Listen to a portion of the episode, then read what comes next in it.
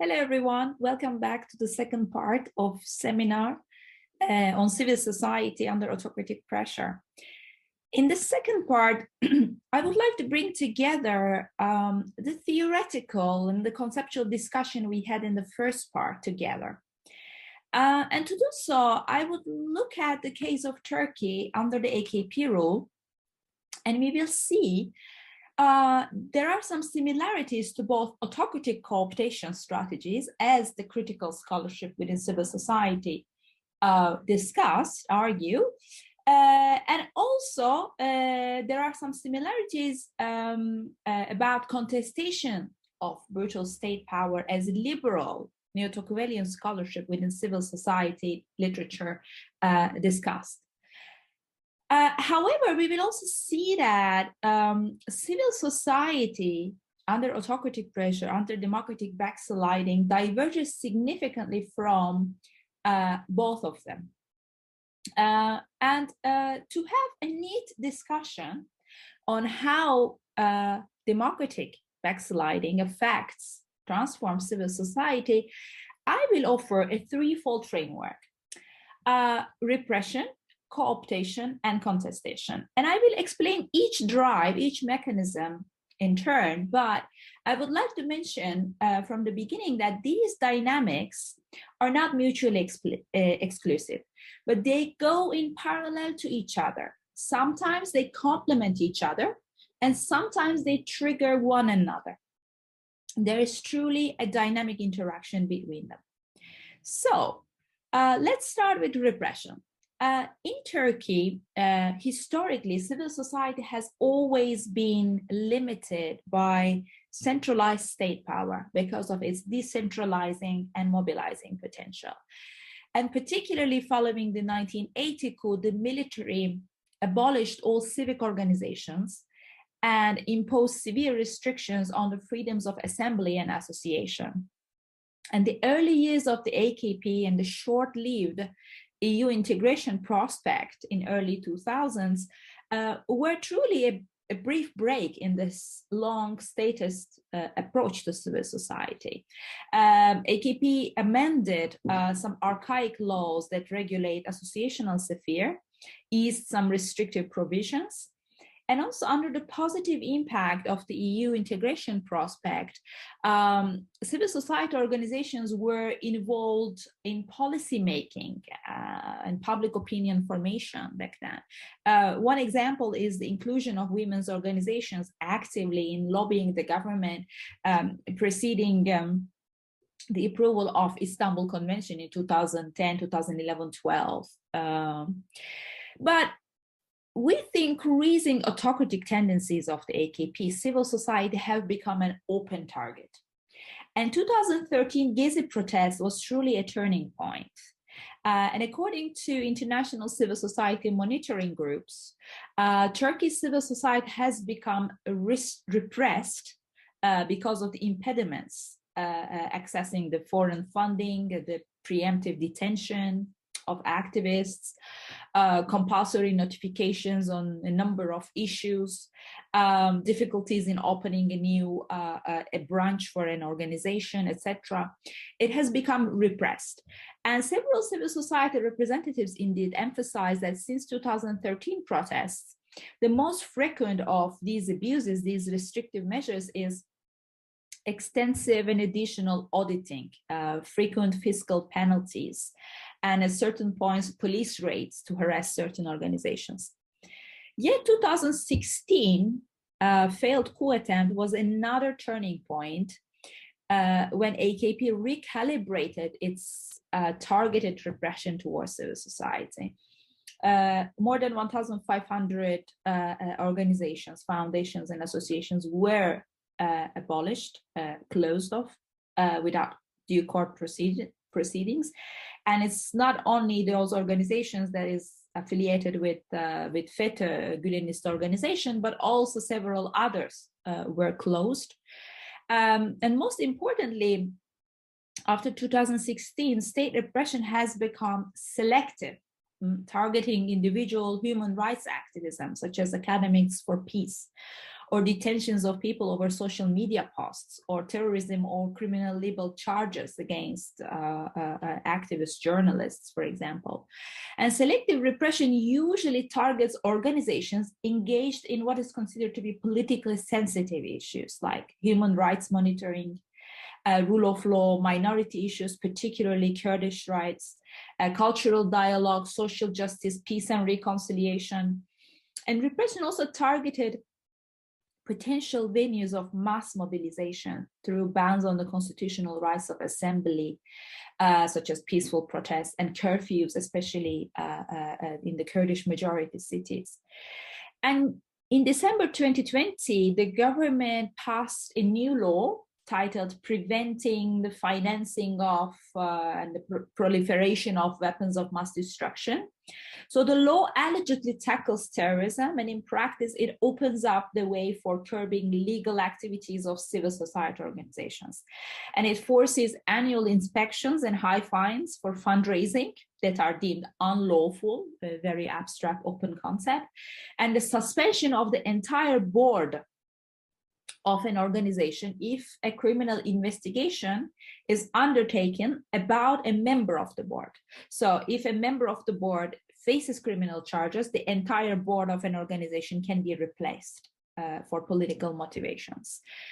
Um, and of course, we know that since the individual activists are targeted for individual terrorism charges more and more, um, this law uh, opens up the way uh, for, uh, uh for, for further selective repression. Of course, um, selective targeted repression works for civil society in ways to drain the resources limited resources and energy of civil society groups and activist communities. Um, and the arbitrary nature of government's crackdown uh, exacerbates the, ex uh, uh, the, expectation of persecution uh, and obliges them to remain alert. The unpredictability of repression is the worst, actually. Uh, what makes it uh, an effective tool for government for discouraging intimidated local vocal action. Um, in other words, mm, red lines are redrawn quite fast. Uh, what is tolerated or turned blind eye one day can become quickly a sensitive topic, a lightning rod for the government that would trigger repressive action uh, from one day to another, uh, so to speak. So in many ways, this imposes certain limitations, um, self-censorship, uh, to say the least, um, limitations on activism and vocal criticism or avoidance from international donors. But of course, this is not the only picture, and we will see uh, uh, in the uh, uh further parts of this uh, lecture, civil society organizations are quick activist communities are also quick to adapt to this selective repression uh, in many ways. We will come to that point. But before that, I would like to turn to the second uh, part of, of, of this trilateral framework I wanted to offer, uh, the dynamics of cooptation which is closely related to the dynamics of repression. It actually mutually supports and complements the government's efforts uh, uh, to, to, to control and utilize civil society for its own ends. Um, the AKP or autocratizing incumbents in general do not have an interest nowadays in closing off, totally sealing, uh, repressing civil society. And um, a few months after the countrywide Gezi protests in 2013, the Ministry of Internal Affairs in Turkey launched a civil society initiative quite interesting, which intended to support uh, organizational and financial development of a strong civil society. And the ministry organized an international civil society expo where only chosen uh, civil society organizations were uh, were involved and the ministry claimed that they chose the ones that would not cause any nuisance that are truly proven to be voluntary and charity oriented, not radical ones not the, marginal ones. And it was not coincidence that the government's attempt for encouraging an orderly behaving civil society um, right after uh, countrywide protests. Uh, we have already talked about in the first part how authoritarian regimes have learned to repoliticize neoliberal, professionalized civil society. In Turkey, the AKP has created or encouraged the emergence of government-oriented civil society organizations, or the so-called GONGOs. Uh, those organizations have certain autonomy in terms of their activities and membership, but they have close ideological and even organic ties uh, to the government, rulers in power, and they are dependent on their resources. But how do we differentiate? How do we understand uh, these organizations? So first of all, they have immense financial power. Um, they are mostly funded uh, by ministries and the AKP municipalities at local level, um, not only in terms of project funded, but they are also given a transfer of immovables for uh, extensive periods of times to be used as office spaces, as dorms, etc., as we will discuss. Um, and they are also granted public benefit status by the Council of Ministers decisions. This will allow them to collect tax-free, tax-deductible uh, uh, uh, private donations. And besides the financial power, these government-oriented organizations also have symbolic power. Thanks to the um, political assurance and support, like high-level uh, ministers, uh, representatives of the AKP publicly endorse and encourage them uh, through regular meetings and participating in their organizational activities, inviting them for the policy making processes for consultations. And of course, symbolic power also signals um, an, in, an immunity from legal and bureaucratic uh, procedures. And these organizations have achieved considerable and impressive organizational reach. The most active ones we will discuss through examples, uh, reach every city, even across province, uh, provincial levels. And this should be evaluated against the bureaucratic difficulties and delays that normally civil society organization would face in Turkey. And the largest organizations that, that are autonomous, uh, uh, working in similar areas like youth and women, they have two, three offices, mostly in urban, the biggest cities in Turkey, given that these organizations have spread all across Turkey. Um, so, um, well, these, of course, uh, government uh, uh, uh oriented uh, uh, associations and foundations, they emerge in areas related to particularly um, family, youth, and women issues. And this is not a coincidence because these family, youth, women issues are considered a crucial aspect for the AKP strive um, to, to build a more conservative, heteropatriarchal, uh, nationalist uh, society, uh, uh social values in general, and uh, to create a nationalist and acceptable form of citizenry. women are praised for their motherhood, youth are praised as, as representatives of the future generations, and more religious uh, and nationalist generations to come. But what are the activities of these uh, of these organizations. And i will start with uh, youth organizations first to give some examples. And of course thanks to their organizational symbolic and financial power they have uh, tremendous grassroots reach.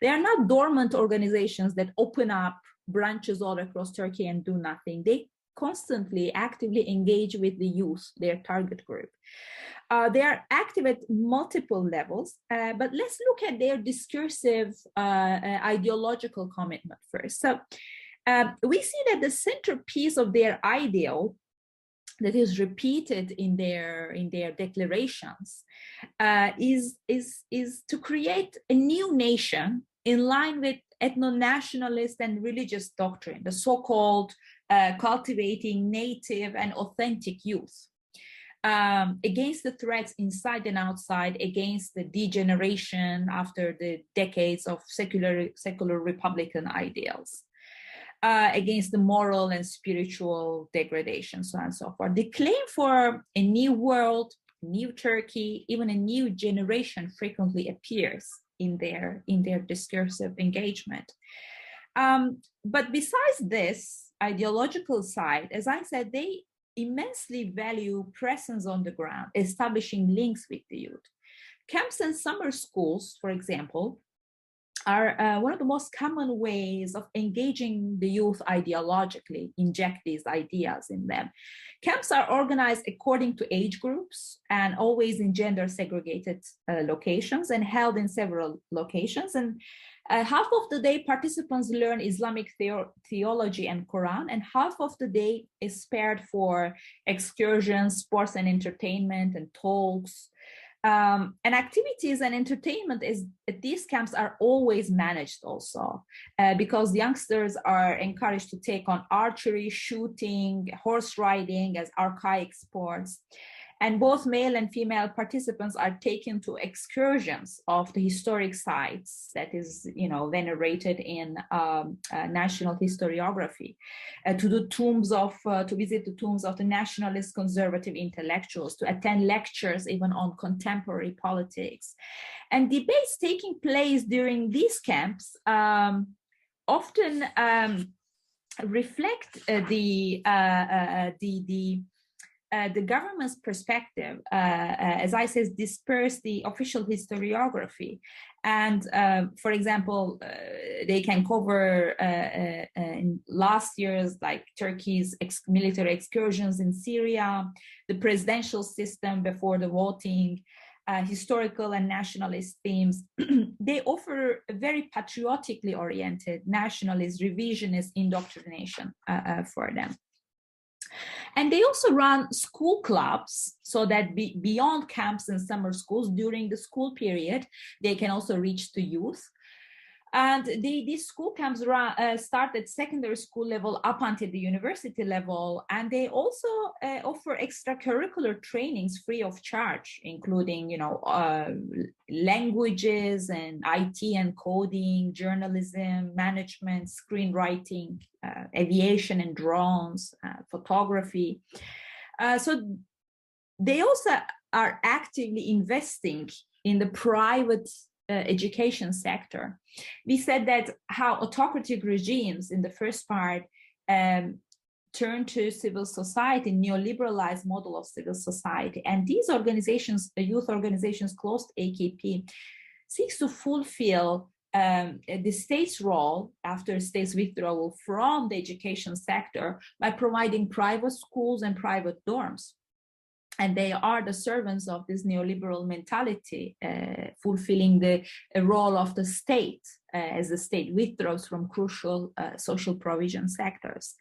And they also tap into the resources of youngsters. For example, they mobilize them on the streets uh, for certain uh, um, uh, for certain protests and demonstrations following the 2016 coup these youth organizations they were very uh, active on the streets supporting uh, democracy, democracy's victory over the coup makers. Um, and they were also uh, mobilized uh, for for electoral causes. for, for example, during the constitutional referendum 2017. Um, one of the most well-known organizations, TÜGVA, for example, called one representative uh, from each dorm all across the country uh, to come to Istanbul for a three day camp on the benefits of the presidential system.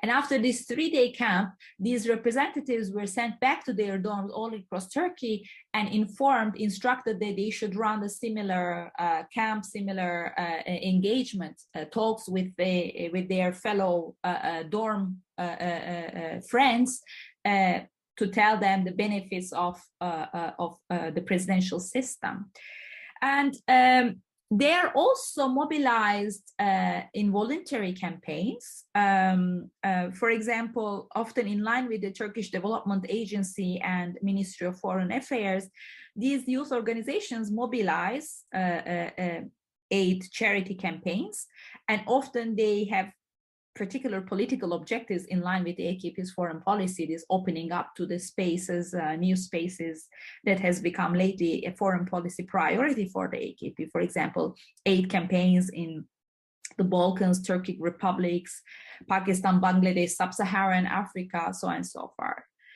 Uh, but what impact uh, these organizations have?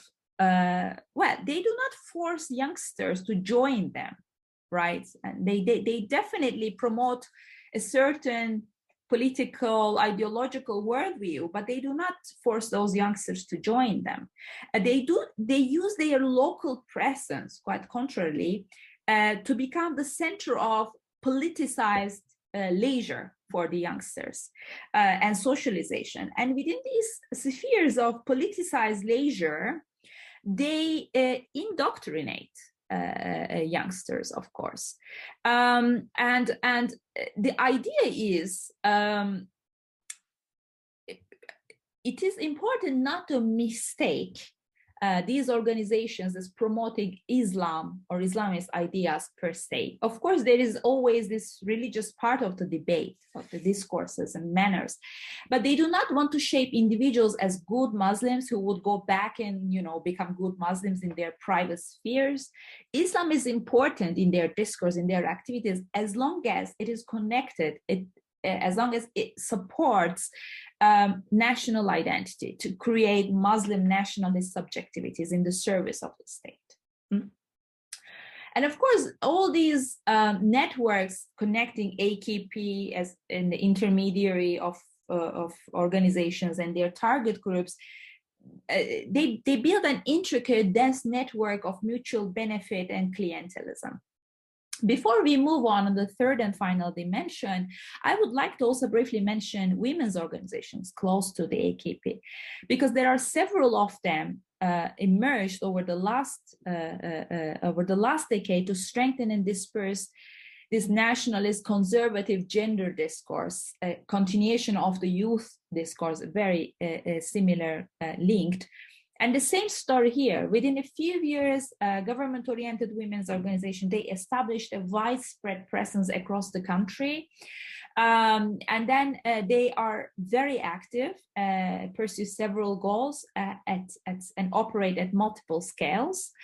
Um, and for example, uh, they have actively sought to mobilize the public opinion in line with the AKP's gender discourse. And they often form a counter block to feminist autonomous women's organizations. Um, uh, criticizing fiercely feminism as not uh, uh, uh among our traditional familial uh, values.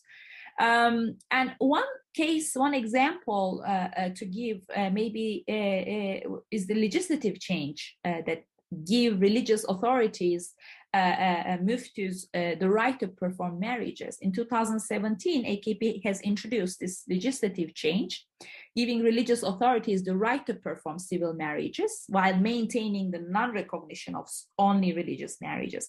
Remember what we said about autocratizing the democratic uh, backsliding process, that it is never directly against the constitutional or legislative principles, but always finding a, a gray hole, a gap to, to go around it. The same uh, happened here. The proposal, of course, faced a backlash from many women's organizations. It was considered as a cynical twist to allow and encourage uh, uh, religious marriages from backdoor.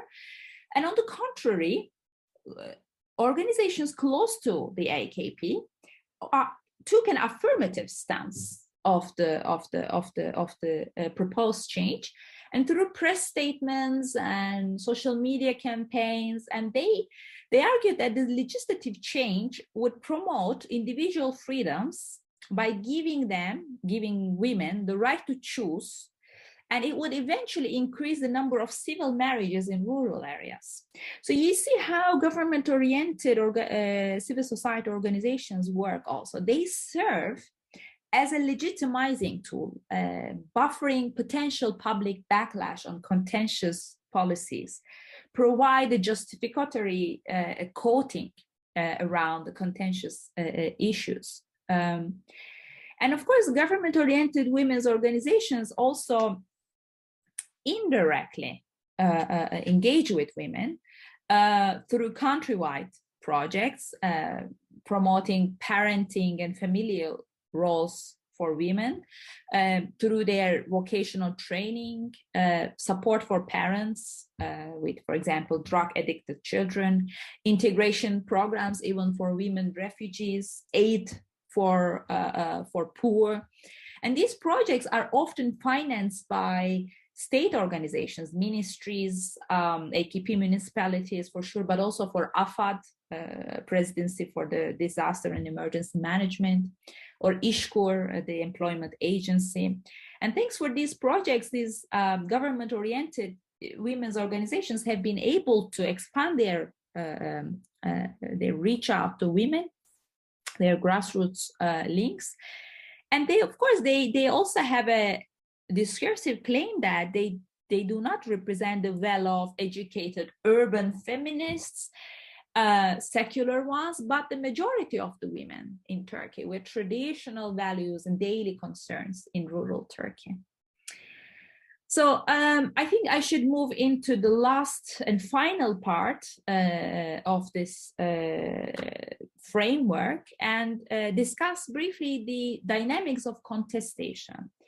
Under autocratization, of course, civil society also cherishes new forms and venues that defend the rights of association, assembly, and expression, creates new uh, venues for democratic pushback and resistance.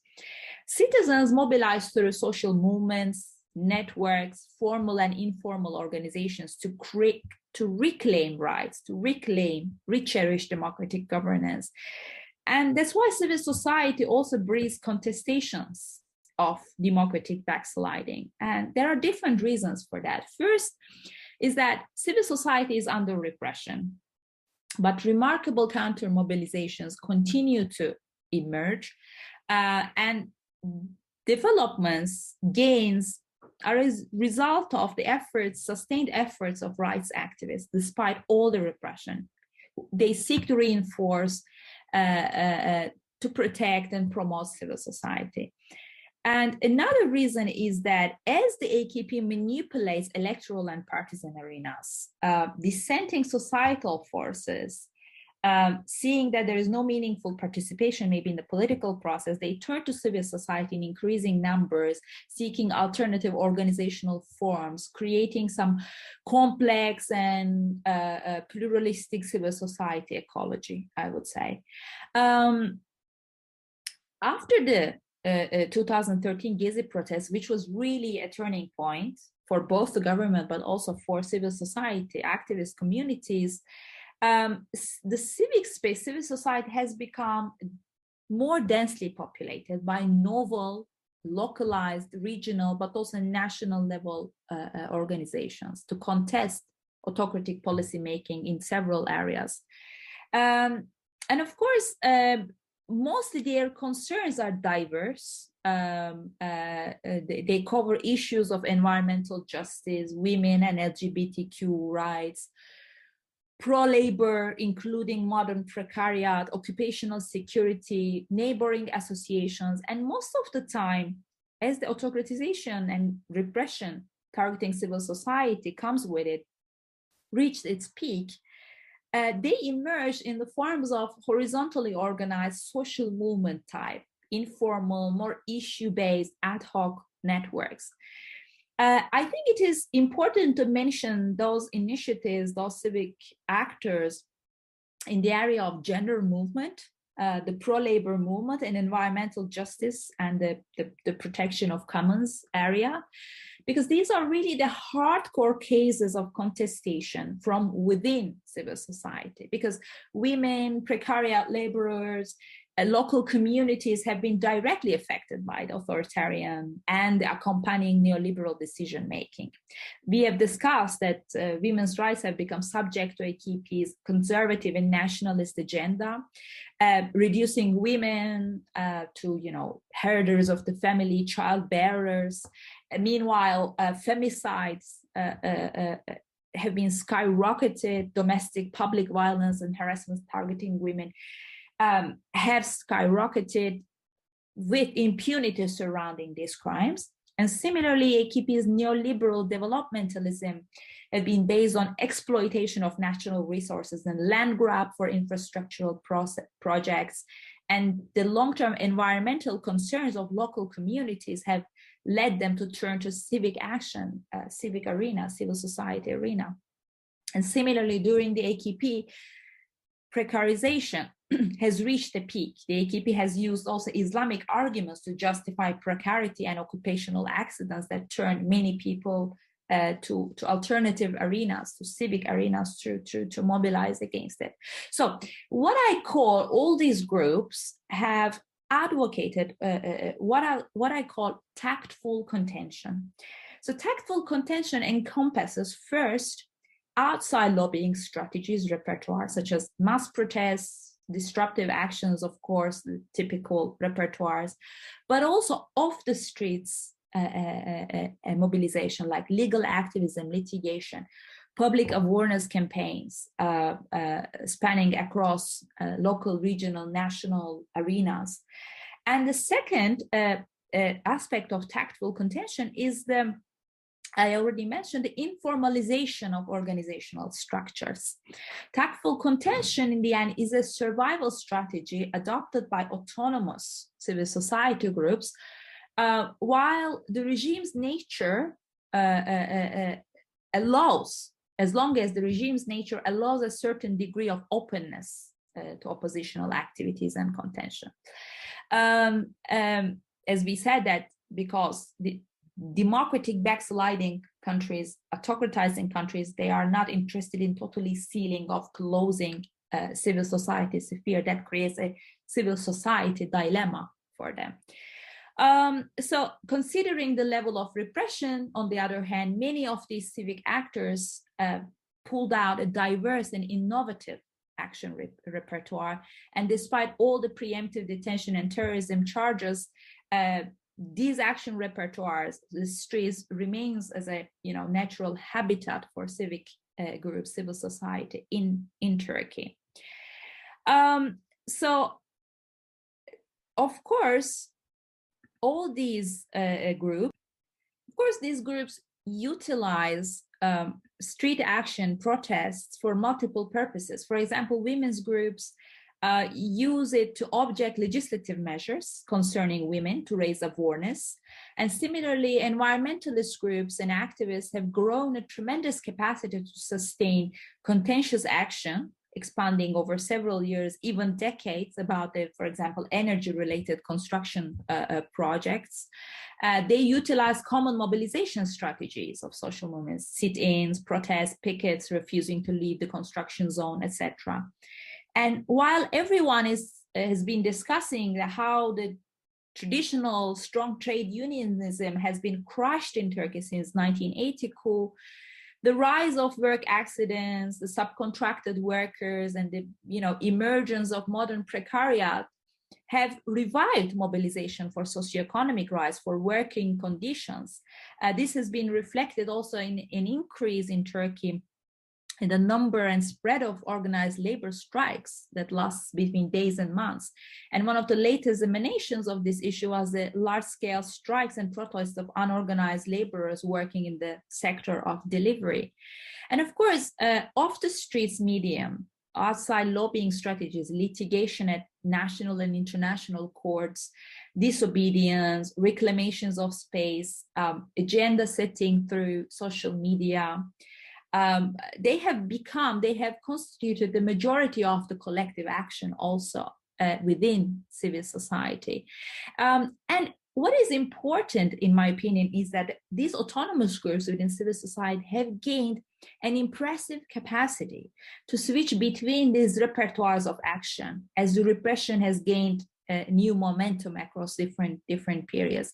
They adapt to, they steer political repression through tactful mobilization by switching between these mediums.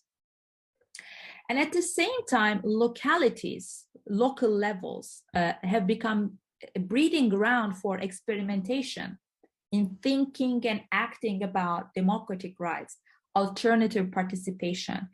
Uh, these experiments, of course, conjoined uh, bottom-up attempts to resist and push back democratic erosion. They insisted on, on, on human rights and they insisted uh, uh, on participation.